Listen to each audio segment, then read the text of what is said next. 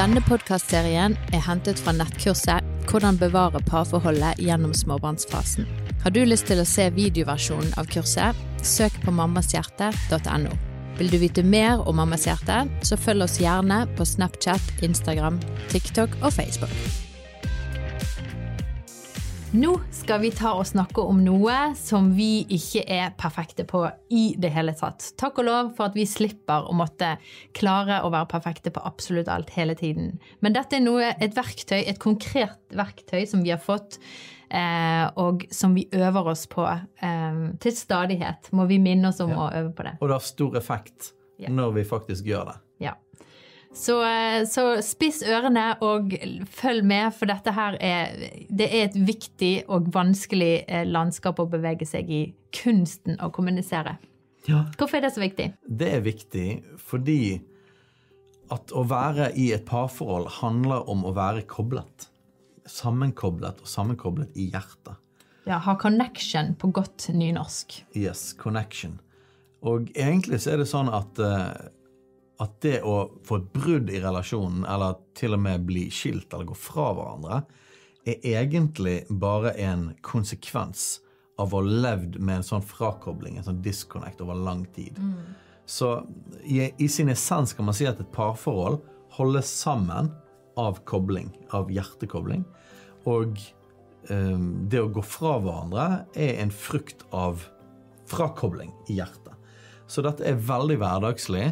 Eh, det er noe som vi til stadighet må jobbe med. Ja. Men hvis det ikke jobbes med, og hvis vi faktisk lever med en frakobling, så vil vi gå fra hverandre. Det er nesten en garanti at man vil gå fra hverandre hvis man ikke jobber med det. Den gode nyheten er at hvis man faktisk jobber med hjertekoblingen, og det fins redskaper for det, så vil vi faktisk alltid være koblet. Vi vil faktisk alltid holde, holde sammen hvis vi faktisk jobber med dette området. Så dette er et stort og viktig område, og vi skal prøve å dykke bitte litt ned i det. Vi har en podkastepisode på Mammas hjerte der vi snakker litt mer om det, går litt mer i dybden på det. Ja, det er den som heter konfliktløsning. Eh, og konflikt, det vil det komme. Når det er uh, mer enn én person i rommet, uh, og man lever over tid sammen og gjerne møter på ulike situasjoner i livet, så vil konflikt oppstå. Men hva gjør vi da? Det skjer jo veldig, en veldig typisk ting når en konflikt kommer. Det er ikke at en blir såret eller en blir irritert, og så får man en følelse av at dette var urettferdig. Og så vil man forsvare seg sjøl, eller på en måte man vil, vil uttrykke noe til den andre. Og da går man ofte i noe som heter skyttergravskommunikasjon. Ja, så hva er det for noe? Skyttergravskommunikasjon. Det er rett og slett bildet av at eh, vi egentlig ikke lenger er så interessert i å kommunisere.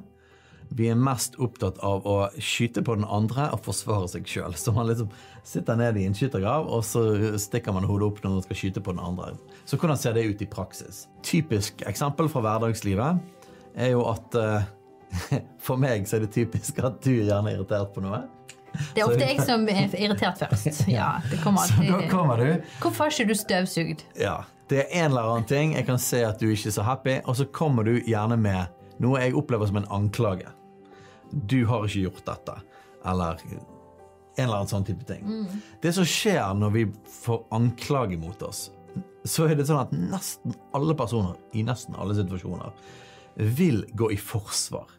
Så anklage funker som oftest veldig dårlig til å fikse en situasjon. Fordi at man føler nesten alltid det urettferdige. Og anklagene kommer nok òg lite balansert og har ikke hele bildet med seg. Og kommer litt sånn skarpere, fordi at det er ladet. sant? Man er irritert. Og da blir det et stikk. Eller liksom et skudd, da. Eh, Og det som skjer når man får en anklage, det er at man basically lukker hjertet. Og man går inn i forsvar. Og eh, mest sannsynlig så er det noe i den anklagen som var urettferdig. Det vil sjelden være veldig balansert. Så den første reaksjonen er at man skyter tilbake med en annen anklage. Ja, men du, og så! Og gjerne noen ganger fordi man føler seg provosert, irritert eller såret, så går man litt sånn instinktivt for å gjøre det samme tilbake, da. Mm. Og det som skjer da, er jo at den andre fortsetter tilbake. Og så sitter vi nede i skyttergravene våre, og da får vi det som kalles en krangel. En krangel og en disconnect. Yes. Og da, eh, da er ikke vi koblet sammen lenger i hjertet. Så hvordan ser det ut? Hvordan ser en disconnect ut? Og jeg vet at dette har absolutt alle opplevd. Ja. Nei, det er smertefullt. Det er jo da, fungerer man ikke. Man går med en klump i magen, og man, man uh, har ikke ordnet opp. Og det er vanskelig å leve under samme tak når man har mange sånne konflikter gående og disconnect gående. Hvordan, hvordan ser det ut da, hvis la oss si at vi har hatt en sånn her uh, anklagende kommunikasjon, og så blir du sur, og jeg blir sur. Man blir sånn kombinasjon av sur og lei seg. Hvordan, uh, hvordan ser det ut i praksis, da? Nei, man vil jo ikke være sammen. Eh, man går helst for seg sjøl. Man har ikke lyst til å bruke tid sammen. Man har ikke lyst til å være nær og være hyggelig mot den andre. Så det blir jo til at man går i hulene sine og sitter der og furter. Og, ja. ja. og har man en disconnect, på en måte en av de beste måtene å uh, se det på, er det at hvis den andre personen kommer og liksom Hei, liksom. Så vil nok responsen være at uh, man går vekk, jeg er sur på deg. Man har lyst til å være på avstand fysisk, faktisk. Ja. Eh, og man er irritert på hverandre. Og i det moduset så kan det plutselig så være sånn Oi, nei, men nå må vi kjøre et barn til eh, en overnattingsbesøk. Så må man gjøre praktiske ting fortsatt. Og mange ganger så hopper vi over å fikse disconnect til å bare fokusere på praktiske ting og liksom familiebedriften. da. Mm. Og så lever vi med en frakoblet relasjon. Og vi vet gjerne at dette må vi fikse opp i. Vi kjenner at ikke dette funker. Men, men, så på en måte lar vi de praktiske tingene ta oppmerksomheten vår. Ja. Og så begynner vi å leve frakoblet i hjertet. Ja. Og det er veldig skummelt. Ja, det er farlig.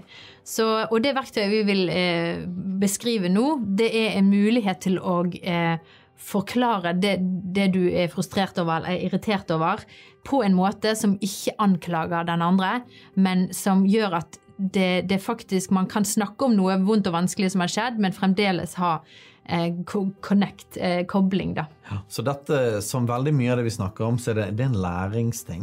Man må det øve. Ja, det er ikke nødvendigvis en ting som kommer altså, automatisk. Oh, det er så rart, for ja. veldig mye av problemene våre kommer med at vi reagerer instinktivt. Og ofte er det vår instinktive reaksjon som gjør at vi havner i trøbbel. Og for å fikse det må vi faktisk lære oss noen redskaper. Men gjør vi det, så er gevinsten at det faktisk funker å reparere forholdet. Du får det bedre, jeg får det bedre. Så denne metoden er engelsk. Vi har lært den fra noen amerikanere som har ekteskapskurs, og den heter Heart to Heart. Og dette har vi brukt mye, og dette lærer vi alle folk som vi ja, coacher i forhold til ekteskap og folk som skal gifte seg. En del sånn som det. Så dette er blitt viktig for oss. Hei du. Visste du at Mammas hjerte er en del av Tro og Media? For å lære mer om tro og media, så kan du søke opp på tromedia.no, eller følge oss på sosiale medier.